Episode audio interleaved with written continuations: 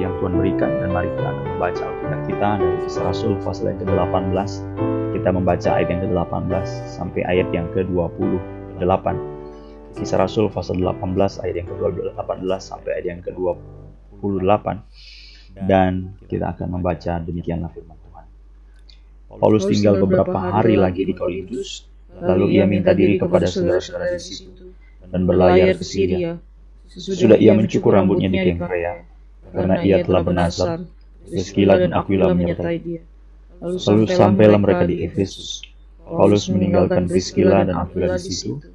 Ia sendiri masuk ke rumah ibadat dan berbicara dengan orang-orang Yahudi. Mereka minta kepadanya untuk tinggal lebih lama di situ, tetapi ia tidak mengabulkannya.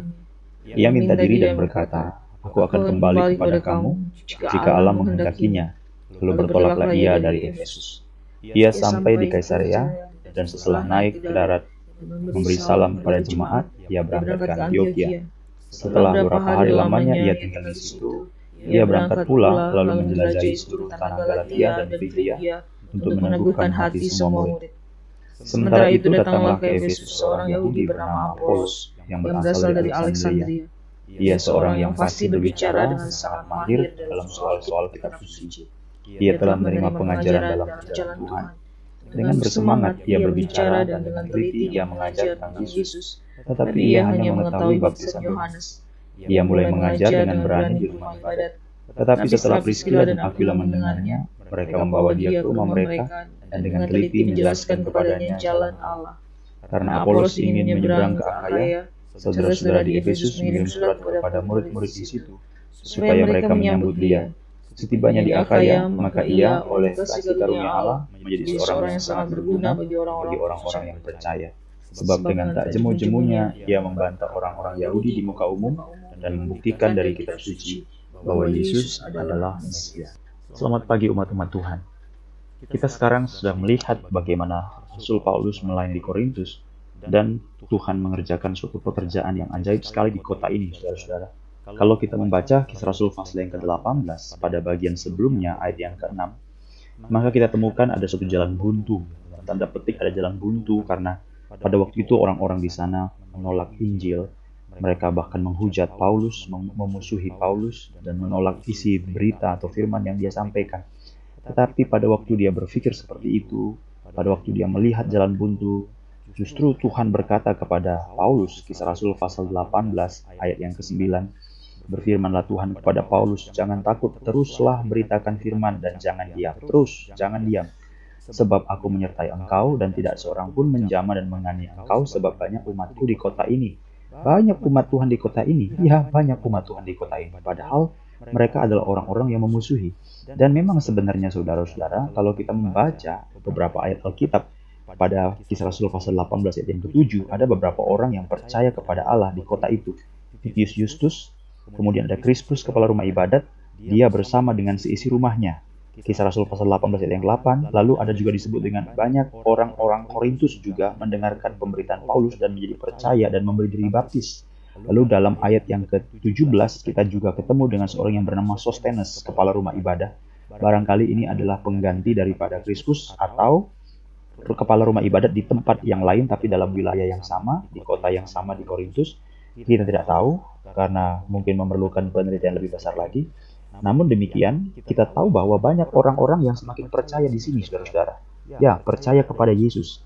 Dan kalau kita baca beberapa ayat Alkitab, misalnya Roma pasal 16 ayat yang kelima, Roma pasal 16 ayat yang kelima, di situ disebutkan ada beberapa nama seperti nama Stefanus atau Panetes. Jadi ini adalah beberapa nama yang dicatat atau dikirimkan surat oleh Rasul Paulus untuk menceritakan apa yang terjadi di Akaya, Epenitus ya, adalah buah pertama dari daerah Asia untuk Kristus.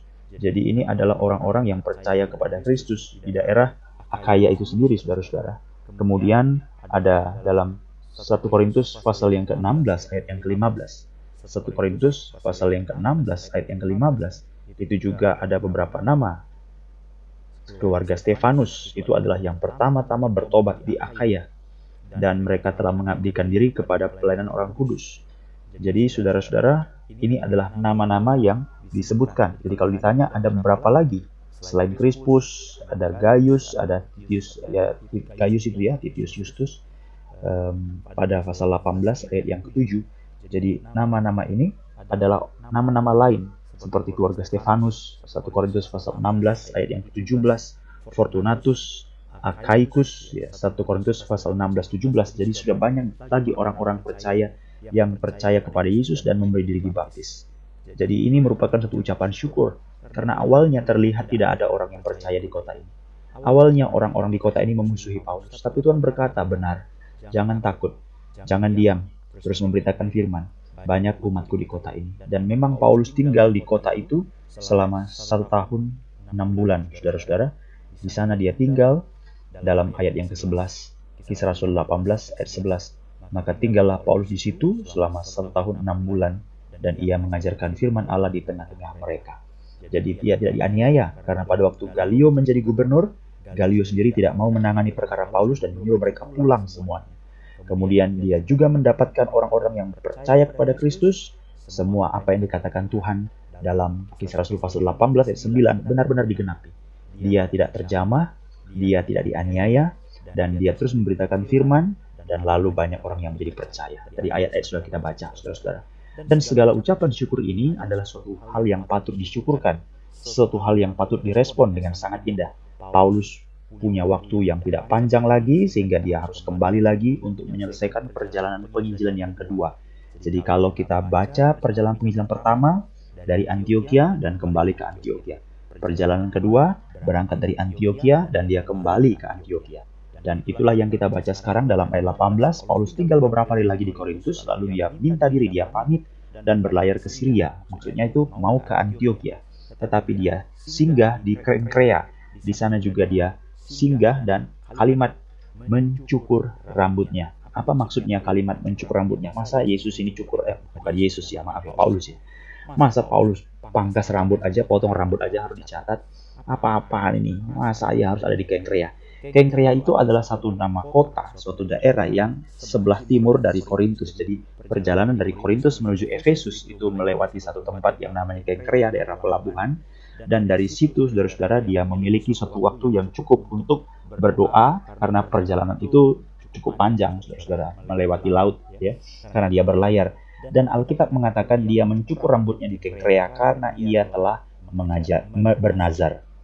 Dia mencukur rambutnya di Kenkrea karena dia telah bernazar. Ini adalah suatu hal yang dikerjakan oleh orang-orang Yahudi. Kalau mereka sedang mengharapkan sesuatu, berdoa sesuatu, merespon pada sesuatu, maka biasanya mereka itu menjalankan sesuatu yang disebut dengan nazar.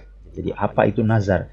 Nazar itu adalah seseorang yang membiarkan rambutnya bertumbuh tanpa dicukur, tanpa dipotong, tidak kena pisau cukur, jadi ini adalah tanda-tanda orang-orang yang menjadi nazar atau menjadi nazir ya. Orang-orang yang menjalankan nazar atau orang-orang yang nazir. Jadi dia menjanjikan sesuatu, mengikhtiarkan sesuatu, menetapkan sesuatu dan ini merupakan sesuatu yang diserahkan, dikerjakan untuk Tuhan, bukan untuk manusia. Jadi kalau saya misalnya hormat dengan seseorang lalu saya bernazar untuk dia, atau bernazar dengan dia. Saya bukan janji dengan dia, tapi saya janji dengan Tuhan. Jadi bukan ada hubungan dengan manusia sebagai suatu objek yang kita ikatkan, tidak, pada Tuhan. Jadi kita mengucap syukur pada Tuhan, kita janji pada Tuhan, kita ingin mengkomitmenkan sesuatu sebenarnya di hadapan Tuhan. Maka orang-orang yang bernazar atau orang yang nazir itu ada beberapa ketentuan. Yang pertama itu adalah dia itu tidak minum anggur. Karena anggur itu adalah minuman yang sangat biasa dan populer menghangatkan tubuh, berguna sedikit untuk kesehatan, dan sangat nikmat. Tetapi orang Nazir itu tidak minum anggur. Yang kedua juga dia tidak akan makan makanan yang nikmat, makan makan yang lezat. Tidak, dia akan hidup dengan sangat sederhana sekali. Yang ketiga, dia juga mungkin tidak akan hidup dalam satu duka cita seperti kematian dan segala sesuatu, perayaan pesta atau apa pun juga yang bisa membuat dia nanti bisa menjadi najis. Jadi semua ini adalah peraturan Taurat, saudara-saudara. Memang peraturan Taurat tetapi ini dimaksudkan adalah sebagai suatu devoted life, memberikan hidup, mengabdikan hidup kepada Allah. Dan salah satu juga yang tidak kalah dari antara semua gaya hidupnya yang sangat sederhana, dia betul-betul menguasai diri dalam begitu banyak hal, tidak seperti orang pada umumnya, maka itu ditandai dengan rambut yang tidak kena pisau cukur atau tidak terpotong. Jadi ini banyak hal, seperti bilangan pasal 6 ayat 18. maka haruslah bilangan 6 ayat 18. Maka haruslah seorang nazir itu mencukur rambut kenazirannya di depan pintu kemah pertemuan, lalu mengambil rambut kenaziran itu dan melemparkan ke dalam api di bawah korban keselamatan. Jadi itu adalah suatu tanda di mana orang yang mengakhiri kenazirannya, maka dia harus menjalankan suatu upacara. Kenapa? Karena itu bukan dikerjakan kepada manusia, tapi itu dikerjakan di hadapan Allah. Jadi jelas sekali saudara-saudara, ini adalah bagian firman Allah yang dicatat mengenai hal-hal yang tersebut ya. Bilangan pasal 6 sebenarnya mulai ayat yang pertama, apabila seorang itu bernazar bagaimana ya? Apabila seorang bernazar bagaimana? Bilangan pasal 6 ayat yang pertama. Nah, pertanyaannya, kenapa Paulus melaksanakan nazar ini? Nah, tentu saja karena dia mengucap syukur kepada Tuhan untuk penyertaan pelayanan Paulus yang pertama sekali di daerah Makedonia, tanah Eropa. Jadi perjalanan pertama dia belum ke sana, perjalanan kedua dia sudah di sana. Dan perjalanan itu adalah semakin jauh. Apa yang dikatakan oleh Tuhan Yesus, hendaklah kamu menjadi saksiku di Yerusalem, Yudea, Samaria, dan sampai ke ujung bumi. Jadi dia sudah masuk ke satu wilayah yang baru. Di sana ada tantangan, ya. Di sana ada begitu banyak penderitaan, penganiayaan. Ya, betul sekali. Tetapi di tengah-tengah kelemahan, 1 Korintus pasal 2, dia berkata, Waktu aku datang pertama kepadamu, Aku datang dalam kelemahan. Aku datang dengan kekurangan. Aku datang dengan suatu keadaan yang sangat-sangat tidak seperti biasa manusia pada umumnya. Dan dia mengucap syukur kepada Tuhan karena pelayanan itu tambah jauh, ikutkan, genapkan apa yang Tuhan katakan. Bersyukur kepada Tuhan. Yang kedua, karena pelayanan itu adalah pelayanan yang dipelihara oleh Tuhan. Kenapa kita sebut dipelihara oleh Tuhan? Karena pada waktu Paulus melayani dari daerah Makedonia sampai di Akhaya, silih berganti tantangan kesulitan dialami oleh Paulus dan dia mengucap syukur kepada Tuhan karena dia telah melewati segala kesulitan itu. Tuhan telah memberikan pemeliharaan kepada Paulus dalam segala hal itu. Itu sebabnya dia menjalankan suatu nazir itu, saudara-saudara. Karena apa? Karena dia betul-betul merasa perjalanan itu adalah perjalanan yang disertai, dipelihara oleh Tuhan. Yang ketiga, kenapa dia bernazar atau bernazir? Karena jiwa-jiwa boleh diserahkan kepada Tuhan. Karena jiwa-jiwa boleh diserahkan kepada Tuhan. Satu kota yang paling sangat tidak mudah, yaitu kota Korintus. Kota Korintus adalah kota yang moralnya jelek sekali, yang kehidupannya kotor sekali, yang keadaannya cemar sekali.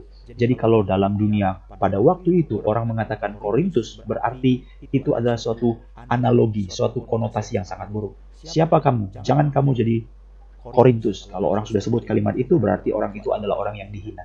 Kalau orang bilang dia adalah perempuan Korintus, pasti dia adalah pelacur. Kalau dia disebut dengan Korintus, pasti dia adalah orang yang sangat-sangat bermuara rendah. Dan itu dicatat dalam misalnya kisah 1 Korintus pasal yang ke-12, 1 Korintus pasal yang ke-6, pasal yang ke-12 dikatakan, kamu tanpa berpikir panjang ditarik pada berhala-berhala. Jadi orang-orang Korintus itu tidak mau berpikir panjang, pendek, pokoknya dia lihat ini bagus, menarik, lalu dia ikut. Padahal itu berhala. 1 Korintus pasal yang ke-6 ayat 11 dicatat di sana. Kamu demikianlah dahulu. Emang demikian kamu gimana? 1 Korintus 6 ayat 9 10. Kamu adalah pemburit, kamu adalah percabul, kamu adalah penjinah, kamu adalah orang yang homoseksualitas, kamu juga pencuri, kamu adalah pemabuk, 1 Korintus 6 ayat 10. Kamu adalah orang yang jahat, 1 Korintus 6 ayat 11. Demikianlah beberapa orang di antara kamu dahulu. Jadi keadaan kota Korintus adalah keadaan yang sangat cemar. Di sana ada satu kota namanya Gunung Akropolis, di mana ada satu kuil yang sangat besar sekali dan sangat terkenal yaitu kuil Aphrodite. Itu adalah ada banyak para imam-imam perempuan yang turun setiap waktu untuk melacurkan diri dengan setiap laki-laki di kota itu. Sehingga orang-orang dengan tanpa pakaian berjalan di kota itu menjadi satu hal pemandangan yang lazim. Bagaimana mungkin Paulus tinggal di kota ini satu setengah tahun 18 bulan untuk memberitakan Injil, untuk memberitakan Injil, bertobatlah, bertobatlah, bertobatlah. Dan Tuhan mengatakan, aku menyertai engkau di tempat ini, di kota ini banyak umatku. Saudara-saudara, dan lewat dari semua keadaan itu, Paulus mengatakan, aku bersyukur kepada Tuhan. Itu sebabnya dia mengambil waktu untuk nazir. Dia mengucapkan syukur kepada Tuhan. Yang pertama, karena tempat Injil semakin jauh. Semakin jauh, Yerusalem, Yudea, Samaria sudah sampai ke makin ujung bumi tanah Eropa. Yang kedua, ada begitu banyak penderitaan yang dialami, yang dialami. Sebelumnya dia belum pernah masuk dalam penjara. Hanya Petrus yang dipenjarakan, tetapi pasal yang ke-16 dia masuk ke dalam penjara. Dia mulai dianiaya, dia mulai disesat. Semua itu mulai dialami. Dia berkata kepada Timotius dalam 1 Timotius pasal yang ketiga, Engkau telah melihat teladanku, penderitaanku di Antioquia. Engkau sudah tahu apa yang terjadi. Dia sudah melihat apa yang terjadi, saudara-saudara. Nah, inilah yang dialami Paulus dan dia boleh melewatinya. Dia berhadapan dengan para cerdik pandai, orang-orang pintar di seluruh dunia yang terkenal pada waktu itu di kota Athena. Dan yang kita bisa lihat, Tuhan menyertai dari semua pelayanannya. Di Korintus, dia ingin dibawa ke pengadilan kepada Galio, tetapi tidak ada penganiayaan di sana. Dia bersyukur kepada Tuhan. Yang ketiga, kenapa dia mengambil nazar? Dia bersyukur pada Tuhan karena ada satu kota yang sangat cemar sekali, kota Athena, kota Korintus, kota Korintus yang paling terkenal dengan kebobrokannya Tuhan menyelamatkan banyak orang di sana. Ada keluarga Stefanus, ada Gaius, ada Kripus, Crispus, ada Titus Justus, ada Sostenes, ada Evenetus, dan ada begitu banyak orang lagi yang kita baca tadi pada bagian pertama daripada siaran ini. Maka kita tahu betapa luar biasa. Dan kalau kita baca tambahkan lagi yang keempat, ada waktu bagi Paulus karena dari Kengkrea, perjalanan Korintus sampai ke Efesus, dia membutuhkan waktu sekitar 15 sampai 30 hari. Dan itu adalah waktu yang cukup untuk apa? karena dia tidak berbicara dengan banyak orang, karena dia adalah pelayaran, maka itu adalah waktu yang cukup untuk mengambil waktu nazar, untuk betul-betul sungguh-sungguh mengucap syukur buat penyertaan Tuhan yang telah dikerjakan. Jadi kita bisa melihat hanya pada bagian ini saja kita sudah habis waktu sekitar 20 menit membicarakannya, tapi begitu kaya rahasia firman Tuhan. Setiap bagian, setiap kalimat itu adalah rahasia-rahasia di dalamnya itu begitu kaya, begitu limpah. Kita bersyukur bagaimana Tuhan menyertai Paulus tidak kebetulan, sesuatu kadang-kadang tidak seperti yang dipikirkan. Tapi setelah dia lewati periode itu, dia lihat penyertaan Tuhan begitu ajaib. Saya tidak tahu hari ini kalau hidupmu begitu berat. Saya tidak tahu kalau bebanmu hari ini begitu sulit, begitu tidak gampang, begitu sangat tidak ringan. Tetapi engkau akan melihat itu apa yang terjadi di kemudian hari. Pada waktu nanti kita melihat ke belakang, kita tahu penyertaan Tuhan. Hidup kita begitu indah jika kita mau dipakai menjadi alat tangan biarlah kita serahkan hidup dalam